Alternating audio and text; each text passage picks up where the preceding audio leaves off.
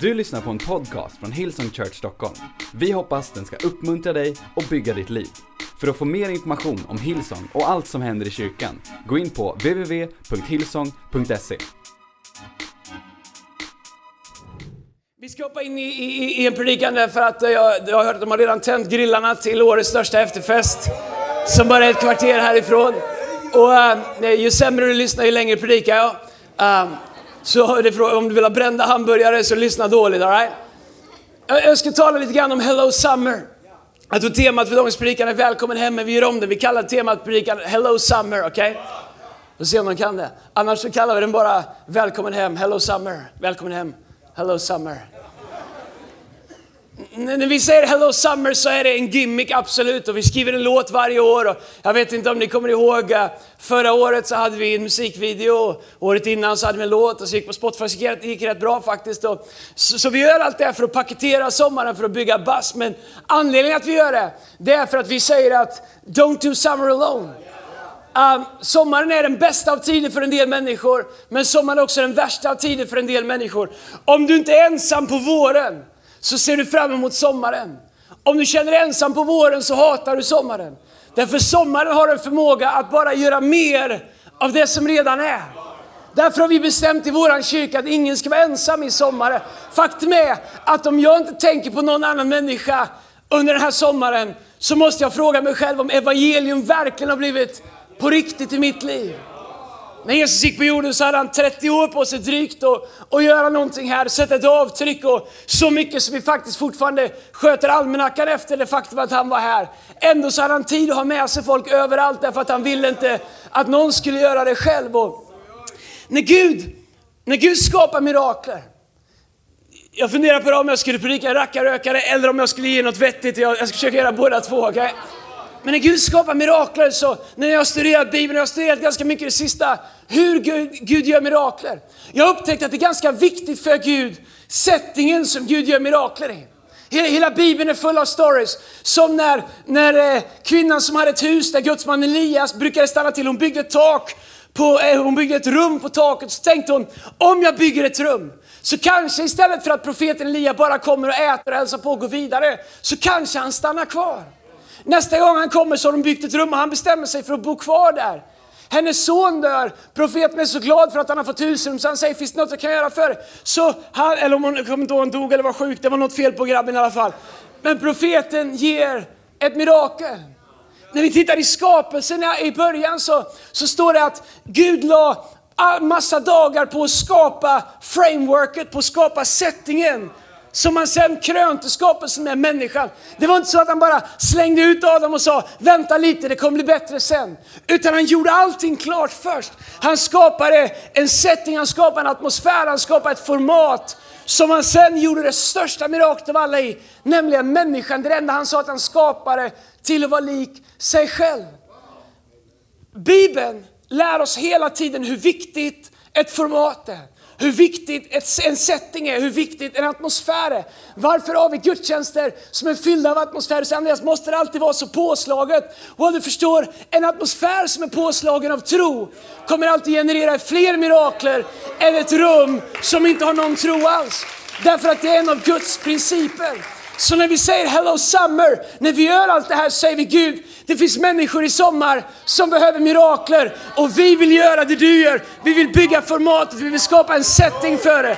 När vi säger att vi bygger en kyrka dit alla är välkomna, där våran famn är öppen, där det finns plats för människor. När vi säger välkommen hem så är det inte välkommen in och bli som oss. Du behöver inte bli som oss, vi har alldeles för många som oss. Faktum är att jag har inte sett Erik ha så tajta kläder sedan han spelade på Blommen Bar för många år sedan. Du behöver inte bli som oss. Men oss har ett välkommen hem dit du är välkommen, exakt som du är.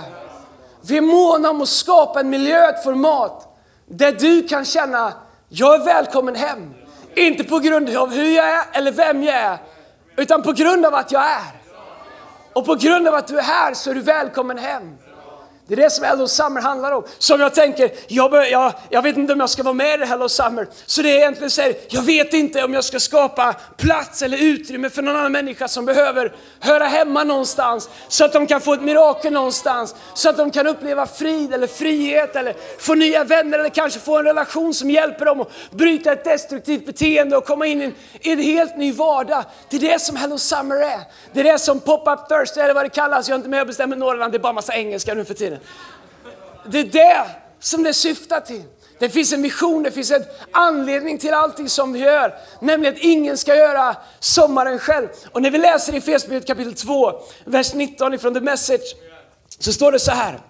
Ni är inte längre kringvandrande flyktingar. älskare. Come on, ni har, ni har inte glömt bort 10 000 luncher innan valet va? Come on, om du inte har gjort den så, så gör det, jag har min framför mig. Ni är inte längre kringvandrande flyktingar. Detta rike av tro är nu ert hemland. Ni är inte längre utanför eller främlingar. Du är hemma här. Med lika stor rätt till namnet som kristen som alla andra. Det innebär att oavsett hur du kommer hit, om du tror på Gud, du har lika stor rätt att kalla dig kristen som någon annan här inne har. Och du är hemma här. Gud bygger ett hem. Han använder oss alla i sitt bygge oavsett hur vi kom hit. Det är inte vägen hit som spelar roll, det är det faktum att du är här som ger värde. Han använde apostlar och profeter för att bygga grunden och nu använder han er. Fogar er samman bit för bit, sten för sten med Jesus Kristus som en hörnsten. Hörnsten är den stenen när man byggde hus när det här skrevs. Det första man gjorde, så nu blir det både bondepraktika och byggteknik här. Um, hörnstenen, när man byggde ett hus så la man ut fyra stenar och de var de fyra bärande fundamenten av ett sten. Men den viktigaste av alla var hörnstenen. Där utgick alla andra stenar ifrån. Det var den viktigaste stenen på huset. Den bar ofta vikten och balanserade vikten av alla andra stenar. Så med Jesus Kristus som hörnsten som håller samman alla delar, vi är delarna. Så Jesus håller oss samman, inte våra lika åsikter, inte våra resor hit, inte hur långt vi har kommit, inte bra eller dåliga vi är, inte om du har slutat röka än eller inte, utan det är Jesus och det som är rätt med honom som ger oss värde tillsammans. Vi ser det ta form dag för dag. Ett heligt tempel byggt av Gud, där vi alla är inbyggda. I ett tempel där Gud känner sig hemma. Så Paulus talar i sitt brev till Feserna om en kyrka, han liknar det vid ett hus. Där vi som är främlingar, vi som en gång inte hörde hemma hos Gud, vi som på grund av vårat sätt att leva, våra val och gå våra egna vägar var hemlösa i tron. Vi har nu fått ett hem hos Gud. Och jag vet inte hur ditt hem ser ut som du åker hem till efter det här mötet eller efter festen. Men oavsett om det är ett hem som du längtar till eller ett hem som du försöker hålla dig borta ifrån. Så säger Gud att det finns ett hem hos Gud där du är hemma och där du kan hitta hem. Jag växte upp i ett trasigt hem, men när jag hittade Gud och hittade kyrkan så hittade jag ett hem där jag kunde upptäcka värdet av ett helt hem. Där jag fick ta min trasighet och upptäcka helhet, välkomnande och acceptans. Inte för vem jag var, inte för vad bra saker jag hade gjort, utan jag upptäckte att det fanns en Gud som redan hade gjort allt vad jag behövde för att jag skulle vara accepterad. Det är vad Hello Summer är. Och jag älskar hur Paulus började. Han säger, ni är inte längre kringvandrande flyktingar. Detta rike av tro är nu ert hemland. Ni är inte längre utanför eller främlingar. Du hör hemma här. Om det är någonting som djävulen kommer försöka lura dig varenda gång du går till kyrkan. Någon gång så kommer han försöka säga till dig, du hör inte hemma här. Du är inte tillräckligt bra som de där fanatikerna som lovsjunger. Du är inte tillräckligt passionerad som Erik. Du har inte läst Bibeln tillräckligt mycket som en del andra verkar göra här. Och när det kommer någon här och drar massa kristna skämt som ofta är dåliga så fattar du inte vad de betyder. För du har inte gått kursen. Lyssna, det spelar ingen roll. Du är hemma här på grund av att du hör hemma hos Gud. En av de sakerna jag försöker göra är att slå hål på subkulturer i våran kyrka. Därför att den isolerar människor. Du behöver inte kunna något kristet lingo, du behöver inte kunna alla böckerna i Bibeln. Du behöver inte kunna alla saker, du behöver inte ha varit på Hillsong College, du behöver inte ha gjort allt det här för att höra hemma. Du behöver bara vara här, så hör du hemma. Hello Summer. Människor är hemma här. Vi gör sommaren i Hillsong för att det finns människor som inte är här idag som inte visste att de hörde hemma, som inte trodde att de hörde hemma, som inte trodde att det finns, fanns plats för dem här, som trodde att de var tvungna, tvungna att bli någonting för att få höra hemma, som trodde att de var tvungna att tro på ett speciellt sätt, tro tillräckligt mycket för att höra hemma. Medan Paulus säger att det är Gud som gör oss till hemma, därför det här är Guds hem, inte mitt hem. Vi har alla blivit välkomnade hem till Gud i det här. Kyrkan är en plats, säger Paulus, där Gud känner sig hemma. Jag skulle vilja stanna lite vid det. Därför att om människor ska känna sig hemma så kommer det behöva vara en plats där Gud känner sig hemma. För om Gud känner sig hemma så kommer människor känna sig hemma. Jesus sa, kom till mig, den som kommer till mig kommer jag sannerligen inte stöta bort. Så att om människor känner sig bortstötta så är det någonting fel med hur Gud är här. Men om människor kan komma hit och känna, men jag vet inte vad det är, men jag bara känner mig så välkommen. Då är det ett tecken på att det är någonting med Gud som är rätt här. Så kyrkan är en plats, säger Paulus, där Gud känner sig hemma. I ett tempel där Gud känner sig hemma. En plats där Gud känner sig hemma och där människor känner sig hemma. Vi pratar ofta om välkommen hem. Att kyrka, rakt genom allt vad vi gör, så har ett välkommen hem. Inte ett välkommen hem graderat på hur liksom bra du är, så stort rum får du. Ett välkommet hem därför att vi inser att allas vårat pass in hit är samma nåd. Alla våras inbjudan är samma nåd, samma behov. Och samma nåd som du behövde första gången när du kom, behöver vi varje vecka när vi kommer hit. Vi är lika beroende av Gud idag som vi någonsin har varit. Och kring det så kan vi allihopa förstå att vi kan vara en del av att förlänga Guds välkommen hem till människor som kommer hit. Om en människa går från trottoaren hela vägen in till sin plats och ingen har fått dem att känna sig välkommen hem, så har vi inte gjort vårt jobb. Det är inte ett teams jobb, det är inte några extroverta människors jobb. Det är kroppens jobb, det är hemmets jobb. Att få alla människor att känna sig välkommen hem. Det är det viktigaste vi gör. Viktigare än predikningar, viktigare än allting vi gör, är att människor förstår att du är välkommen hem till Gud. Och vi är här för att få dig att förstå, få dig att känna dig välkommen hem. Och varje gång du inte har möjlighet att komma ska du känna som du missade den bästa släktfesten någonsin. I Jesu namn. Amen. Psalm 92, vers 13 så står det så här, de rättfärdiga grönska som palmer. Som sedrar på Libanon växer de till. De är planterade i Guds hus, i Herrens hus, i kyrkan, i den lokala församlingen. De grönskar i vår Guds förgårdar. Ännu vid hög ålder bär de frukt och de frodas och grönskar för att förkunna att Herren är rättfärdig. Han är min klippa och inget orätt finns i honom. Så Bibeln säger att den som är planterad i hemmet kommer alltid att blomstra. Det är det som är grejen. Vi tror att vi måste vara planterade i vår prestation. Att det är det som ger oss vårt värde. Medan Gud säger att om vi är planterade i hans hus, om vi är planterade i hemmet, om vi är planterade i den lokala församlingen, så kommer våra liv att grönska därför att det är någonting med hemmet som kommer över tid förvandla våra liv. Alltså måste vi leva, leda, agera och behandla det här hemmet så att människor känner, jag, jag kan inte bara komma lite nu och då, sitta längst bak och, och hoppas att ingen ser mig. Jag kan komma vilken dag i mitt liv som helst därför att jag jag kan stanna kvar där, för det får mitt liv att grönska i livets alla olika säsonger. Som Gud har lovat att människor som planteras i Guds hus ska blomstra, så måste vi bygga en kyrka där människor kan blomstra i Jesu Och jag skulle vilja bara prata om det lite grann, en aspekt av det. Jag skulle vilja prata om vårt klimat. Hur vi skapar ett klimat där människor hör hemma. Där människor känner, när livet är bäst, då kan jag komma. När livet är pest, kan jag komma. När livet är allt däremellan kan jag komma. Vad är det som gör ett välkommen hem? Vad är det som verkligen gör ett hello summer? Vad är det som verkligen får människor att säga, jag är inte längre en flykting, jag är inte ens en andlig flykting, jag är inte en främling, jag är hemma här. Det här är nu mitt hem. Och en av de viktigaste sakerna är vad vi säger om varandra och till människor. Bibeln säger att liv och död har tungan i sin hand. Den som ofta använder den får skörda dess frukt får dess frukt. Det vi, det vi säger är vad vi är. Mycket mer än, än vad vi gör. Vi, vi säger att en handling är värd mer än tusen ord. Men jag säger att det är, bult, det, det, det, det är inte sant. Därför att en handling kommer bära frukt, kommer ge ett resultat. Men ord skapar. Ord är kraftigare än handlingar när båda två, när de är bra, är en, liksom en dynamisk duo. Men om jag, om jag gör någonting dåligt så kommer jag få skörda dålig frukt på det. Men om jag talar negativt så kommer det börja skapa saker som inte fanns innan jag började säga det. Därför så kan jag vara med och, och skapa med mitt tal. Jag kan skapa liv i människor. Jag kan skapa liv i, i människors drömmar. Jag kan skapa liv i människors förhoppningar. Jag kan skapa ett klimat där människor känner att, att komma till Hillsong är som att kliva in i en hiss som alltid åker uppåt. Så hur kan vi göra det? Nummer ett, se det goda. Välj att se det goda. What you see is what you get. Och eh, det, det är en two-way street.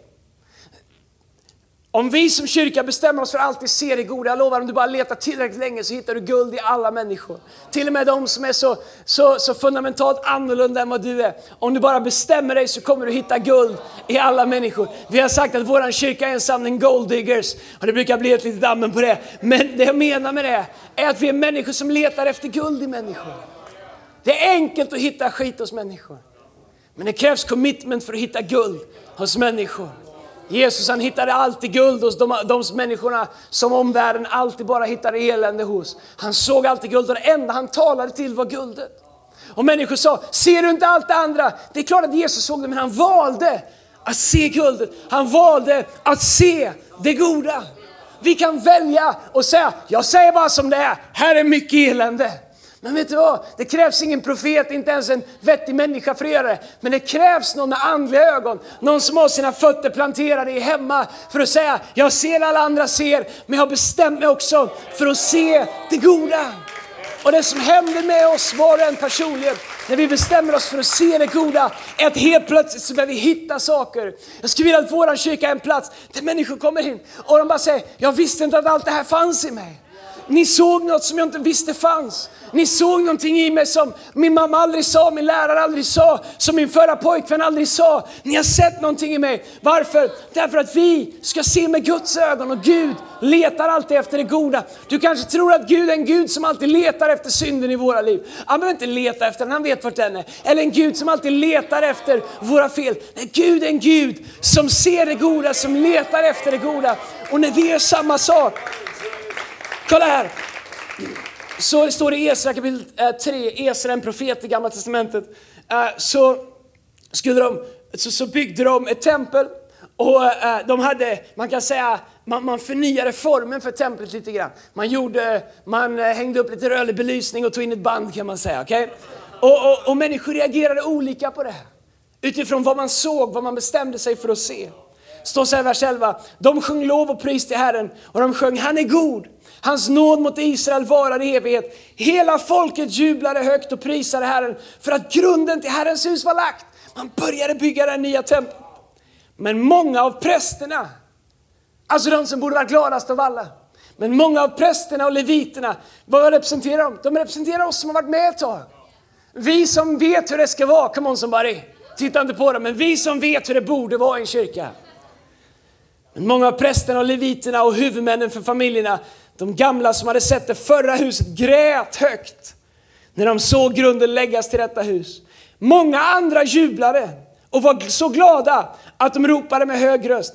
Man kunde inte skilja mellan det högljudda, glada jubelropet, och folkets högljudda gråt. Till folket ropade så högt att ljudet hördes vida omkring. Två grupper av människor ser samma sak. Den ena väljer att prisa Gud, de andra väljer att gråta så högt så man knappt hör dem som prisar Gud. Varför? Därför att de bestämde sig båda grupperna för vad de skulle se. De ena såg någonting som inte är som det en gång var. Som inte är som man vill att det ska vara. Här ska man minsann inte bli frälst så lätt. Det kan inte vara så enkelt att man bara blir förlåten på en gång.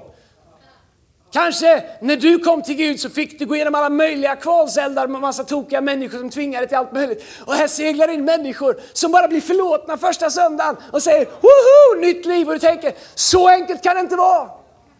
Det tog mig tre år i bibelskola och fyra år hos gamla äldstebröder för att ens få vara med. Och när vi ser vad Gud gör i människors liv Låt oss inte vara de som säger app, app, app, app, app, app, så fort får det inte gå. App, app, app, app, så enkelt får det inte vara. App, app, app, app, app, sådär. Nu känner jag inte, eller när vi gör nya saker i kyrkan för att göra rum för fler människor. Låt oss se till, eller när vi ser människor förvandlas framför våra ögon. Låt oss vara de som har ögon som säger prisa Gud när vi ser grunden belagd. Och här är grejen. De här människorna de är så glada så de väntar inte ens till templet är färdigt. Det står inte, när allting var klart och man kunde se vad det blev, då blev de glada. När de här, de är så glada och så tacksamma och har sån positiv syn på saker. Så de prisar Gud redan när de lägger dit första stenarna. Det är ingenting än, det är bara lite grundstenar. Men de tänker inte vänta för de har valt att se det goda. Så de startar partyt långt innan det är färdigt. Jag vill att vår kyrka ska vara så. Jag vill att vi ska fira människor innan de är färdiga. Jag vill att vi ska se det goda innan Gud är klara med dem. När bara grunden blir lagd. När, bara, när man ser att nu börjar Gud och röra vid människor. Nu är det människor här som Gud älskar. Låt oss börja fira direkt. Låt oss välja och se det goda. Men vi kan titta på vårt samhälle och bara se problem. Och nu är det snart val och nu har vi politiker, allt de kommer tala om är vad som är dåligt. Det är så val funkar. Den ena berättar vad den andra gör sämre. Vi är inte sådana, vi är inte en del av det. Vi är här för att säga vad som är bra, vad som är möjligt, vad som är ett opportunity, vad Gud skulle kunna göra. Vi kan välja och se det goda. Och du säger, Andreas, du pratar som att det inte finns några problem i vårt samhälle. Det finns jättemånga problem. Ett problem är att det står en massa människor och gråter för att det inte är som det en gång var. För att alla inte går i folkdräkt längre. För att alla inte kan små grodorna. De är som prästerna som gråter, det är inte som det en gång var. Får inte fira skolavslutning i kyrkan längre, det är inte som det en gång var. Men tack gode Gud för kebab alltså. Nej. Nej, jag säger inte att det är allt. Men du kan tolka in allt, jag menar allt vad jag säger. Vi är en kyrka som väljer att se det goda. Vi är en kyrka som väljer att se opportunities, väljer att se lösningar, väljer att säga välkommen hem, väljer att säga att Gud älskar alla människor. Det andra som skapar ett sånt klimat, nummer två, det är att bli en bärare av goda nyheter. Men den här världen är full av bärare av negativa nyheter. Du behöver inte ens mer än öppna din Facebook-sida. Nu kan man blocka människor utan att de ser det. Man kan bara göra så att deras kommentarer inte kommer upp i din feed. Det bästa som har hänt i Facebook sedan de startar. Det är det bästa som har hänt sedan MySpace la ner. Come on somebody. Erik har fortfarande RK 77 på passagen om det är någon som är där. Ni vet inte vad det är, okej. Okay. Bli en bärare av goda nyheter. Lunarstorm, come on. Early adapter, right? Early adopter. Napster. Jesaja 52, vers 6 så står det så här, därför ska mitt folk lära känna mitt namn. Därför ska, det på den dagen, därför ska de på den dagen förstå att jag är den som säger, se här är jag. Lyssna här, kanske det bästa som finns i hela Bibeln. Förutom att så älskar Gud den här världen att han gav oss Jesus. Men it's up there, right? Hur ljuvliga är inte glädjebudbärarens fotsteg? När den kommer över bergen och förkunnar frid och bär fram goda nyheter och förkunnar frälsning och säger till Sion, din Gud är konung. Jag vet inte om du har vänner i ditt liv som när du ser dem tänker, bara, oh no. Det är omtittande på dem om de är här, all right? Men vi har också människor som när vi bara ser och vi tänker bara yes, det här blir roligt. Det här blir ett party. Det här blir kul. Och det Gud säger är att hur ljuvlig är inte ljudet av fotstegen av de som kommer med goda nyheter. Det är samma princip som det andra vi pratar om. Det finns all anledning att ha både bra och dåliga nyheter. Men vi har ett val. Vi kan välja vad vi är bärare av. Vi kan säga, jag säger bara som det är. Och du behöver inte säga som det är. Du kan säga så som människor behöver att det ska bli. Därför att vi förstår att våra ord skapar. Det är det Jesus gör. Det, det, det, när, när människor vill att han ska döma en kvinna som har begått äktenskapsbrott så säger han varsågod, sätt igång. Den som är utan synd kastar första stenen. Och, och de kastar, droppar sina stenar och går därifrån. Kvinnan är helt förvånad och säger, men, men ska du inte döma mig? Han säger inte heller jag dömer dig. Varför? För han valde. Jesus valde de goda nyheterna till henne. Han säger inte heller jag, inte heller jag dömer, gå och synda inte mer. Så Jesus ser att det har begåtts fel här. Men han väljer att ge kvinnan nåd, han väljer att ge henne frid. Vi kan bli bärare av goda nyheter, vi kan bli bärare av positiva saker, vi kan bli bärare av tro, bärare av uppmuntran, bärare av liv. Om vi väljer det. Vet du vad jag tror? Jag tror inte någon av oss per definition alltid är sådana. Det finns något sorts människor som som, som, som, som så lätt ser det negativa. Och jag är inte naiv och säger att det inte finns utmaningar, jag fattar att det finns det. Men i de flesta situationer, om inte alla situationer, så har vi alltid ett val. Vi kan ibland se de 99 sakerna som är dåliga och säga att de överskuggar en sak som är bra. Men vet du vad Jesus gör? Han väljer att säga, jag förstår att de 99 finns där, men låt oss prata om den enda saken som är bra i ditt liv. Han gör det med Sackeus, han gör det med Bartlemeus, han gör det med kvinnan vid brunnen, han gör det med, han gör det med, med äktenskapsbryterskan, han gör det med de spetälska, han gör det hela tiden om och om igen. Säger Anna, och jag vet att det där finns det, men låt mig prata om det som är bra.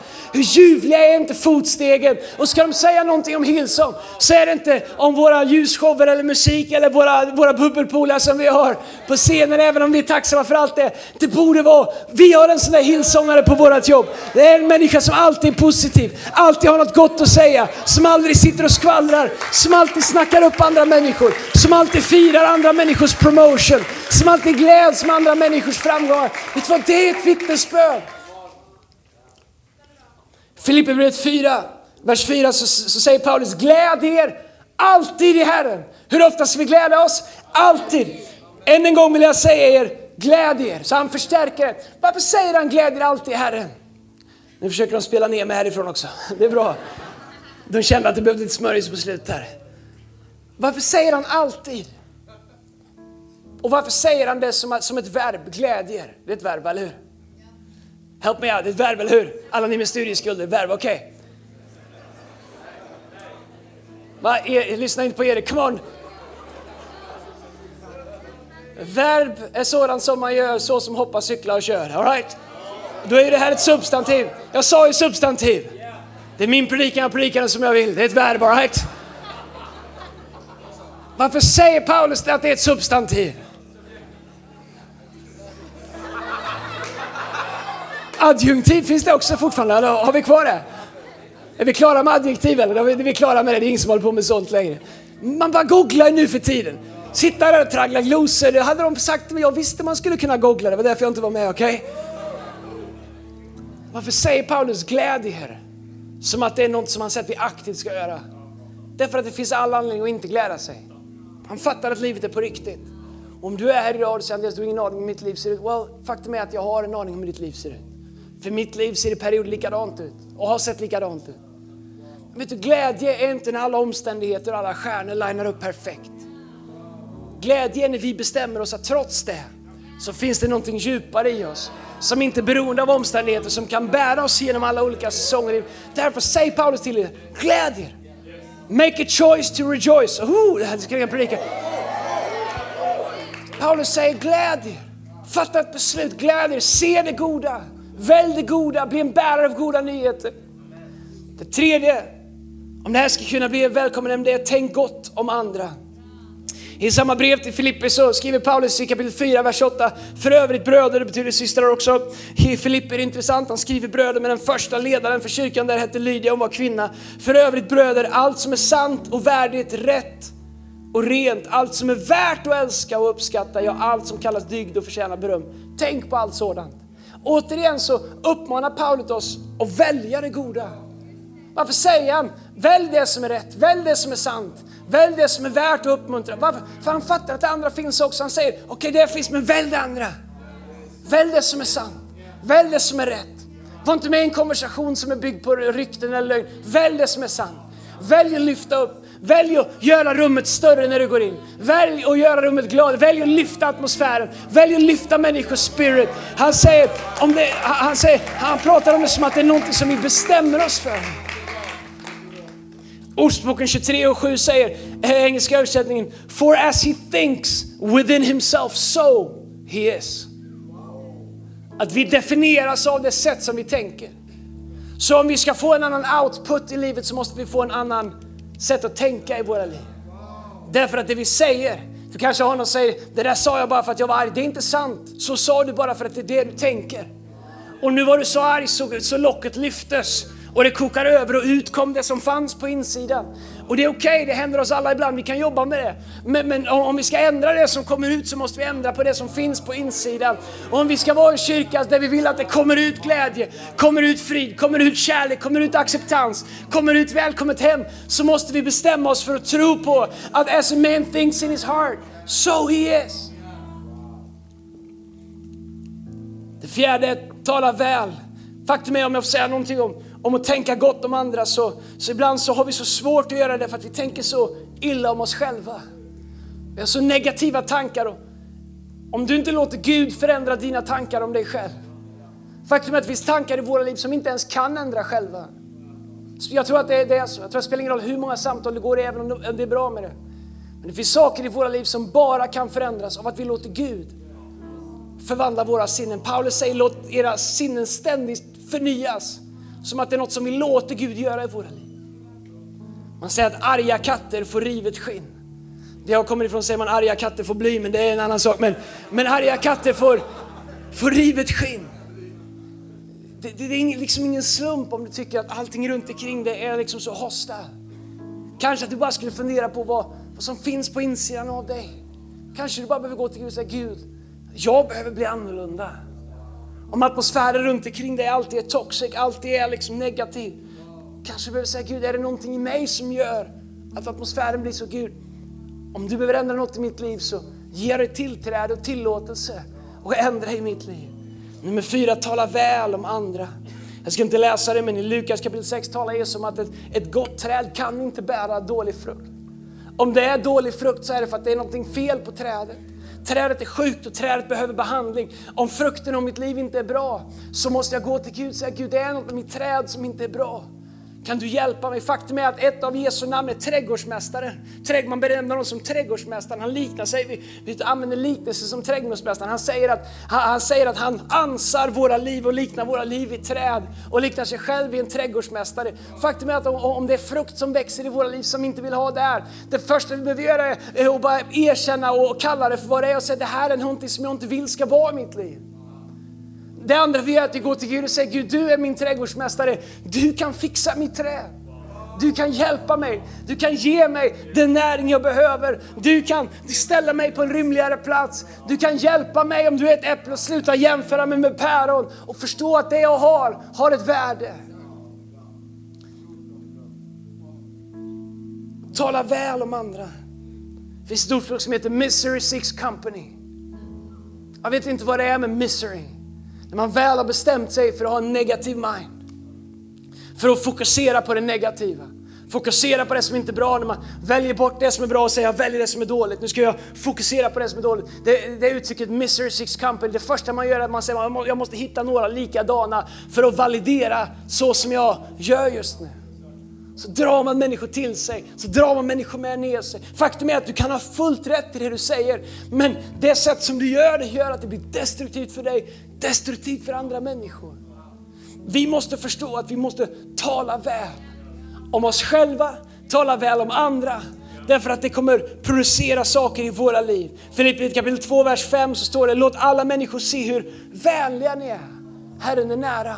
Herren är nära oss i våra konversationer. Han är nära oss i, även i våra slutna rum. Herre, låt oss vara människor som säger samma sak när dörren är stängd som när dörren är öppen med rena hjärtan som söker det bästa, som ser det bästa och som säger det bästa om andra människor. Därför att om vi gör det, då säger vi samma sak om människor som Gud säger om människor. För Bibeln säger att Gud sitter i himlen och tittar ner på oss människor. Men bredvid Gud på Guds högra sida sitter Jesus. Och när Gud ser att saker inte är bra så säger Bibeln att vi har, vi har en frälsare i Jesus som sitter på Faderns högra sida och manar gott. Han säger, du förstår, Andreas han menar inte så illa. Du vet att vi jobbar på hans tålamod, det är bättre än än vad det har varit. Och det där, så arg som man blev i trafiken, det är inte vem man verkligen är utan ge honom mer tid. Ni sitter här som att ni inte har någonting att jobba på. Ska jag börja säga offentligt? Okej, okay, ska vi börja framifrån? Grejen är den att om vi har en frälsare som inför Gud säger Gud ser det bästa hos dem. Fokusera på det bästa. Så kan inte vi vara barn till honom och säga men vi fokuserar på det sämsta. Om det inte var så att Jesus vet att det finns saker i våra liv som vi alla behöver jobba med, så hade han aldrig sagt att han sitter hos Fadern och manar gott för oss. Men han förstår det att we're work in progress, allihopa utav oss. Och ingen utav oss förstår vad som pågår i varandras liv. Så låt oss inte vara snabba med att döma människor, utan snabba med att tala liv och tala gott till och om varandra i Jesu namn. Och jag har en punkt som heter tala silvertiga i guld, men det kan du räkna ut själv. Ordspråken 18 och 21 säger tungan har makt över död och liv, den som gärna brukar den får äta dess frukt. Det finns några saker som är värda att fundera på innan man säger någonting. Är det sant? Är det uppbyggligt? Och är det nödvändigt? Det jag säger just nu, det jag ska säga om någon som inte är här, är det sant? Kanske är sant. Men är det uppbyggligt? Ja, jag vet inte. Det kanske både är sant, kanske inte uppbyggligt, men är det nödvändigt? Kanske jag säger bara som det är, men är det nödvändigt? Gör det någonting bättre? För så sanningen lever inte ett eget liv, det är bara vi kastar ut den så blir allt bättre. Sanningen ska göra er fria. Well, nej, faktum är att Jesus ska göra oss fria.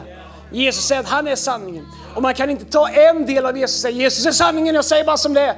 Well, du kan inte rycka loss en del av Jesus. Han är också tålmodig, han är också frälsare, han är också nåd, han är också frid. Han är så mycket mer. Du kan inte bara säga Jesus är sanningen. Well, han är sanningen, men den sanningen är paketerad i så mycket mer än vad vi är. Så vill du vara en sanningssägare så måste du också vara 100% nåd. 100% upprättelse, 100% nya chanser, 100% se guldet i människor. Annars har du inte rätten att kalla dig för sanningssägare. Och du är inte 100% nåd, så backa lite från ditt sanningsmission och hjälp människor att hitta plats hos Gud så att Jesus kan förvandla deras liv. Så kanske det som du stöder på kan bli bättre istället för att du bara choppar av det i sanningens namn. Det är inte vårt jobb att stå upp för sanningen. Menar vad jag säger? Det är inte vårt jobb att stå upp för sanningen. Det är inte så att Jesus behöver oss för att liksom ha en identitet som inte gungar. Om inte jag står upp för sanningen då blir Jesus nervös, då, då tappar han självförtroende. Vet du vad Bibeln säger? Bibeln säger att han snöt sig genom ena näsborren så att Röda havet delas. Tror du han blir nervös? När de säger att vi är osäkra på om man verkligen ska sjunga Trygga rekan på skolavslutningen. Tror att det gungar i himlen då? Vi är vi som bara säga sanningen här. Han behöver inte sanningsförsvarare. Han behöver människor som lever evangelium. Som älskar trots att man blir attackerad. Som ger rum fast man löper risken att bli sårad. Som välkomnar det som man kanske inte ens fullt ut förstår. Som inser att om jag fick plats hos Gud så är det mitt jobb att göra rum för andra människor hos Gud. Då blir vi inte sanningssägare, men sanningsgörare. Därför att då blir vi i handling det som sanningen är. Frälsning, evangelium, nya chanser, nytt liv, ny frid. Och du säger Jesus att om någon kommer till mig så kommer jag aldrig stöta bort dem. Det är det Paulus säger. Vi är hemma här. Jag vill säga till dig du som kanske har besökt vår kyrka ett tag. Sorry om det är lite annorlunda predikan. Men jag brinner verkligen för det här. Om du har kommit hit ett tag och undrar, är det här min kyrka passar in? Du passar in. Du säger, men jag är så annorlunda. Bra, vi behöver bli annorlunda. Vi behöver förändras, vi behöver breddas, vi behöver få mer färg, vi behöver få mer uttryck. Vi behöver dig. Du är hemma här. Inte för att bli som oss, men så att vi kan bli som dig. Så att vi kan bli mer av alla är. Därför att det är summan av vad vi är tillsammans med Jesus som gör oss till det vi är. Det är därför du är hemma här. Det är därför vi ska leva en sommar så att människor kan hitta hem hos Gud. Eftersom de först hittade hem hos oss. Kom on, ska vi stå upp tillsammans? Lovsångsteamet kan komma fram. Punkt nummer sex är, hitta din plats. Jeremia 29 och 11 säger, For I know the plans I have for you. Gud säger, I know the plans I have for you. Så Gud, han vet exakt vilka planer han har för dig. Kanske du inte vet vad du ska göra i sommar. Kanske du inte vet vad du ska göra i höst. Kanske du är i en situation i en relation där du inte vet hur du ska göra. Kanske du brottas med saker på insidan som du inte vet hur du ska hantera. Men Gud säger, I know the plans I have for you. Gud är tvärsäker på dig. Du kanske är här idag som är osäker på Gud, men Gud är inte osäker på dig. Han är säker på sin sak. Han har en plan och en framtid för ditt liv. Han är säker på att han är för dig. Han är säker på att han är här för dig. Han är säker på att du är hemma hos Gud.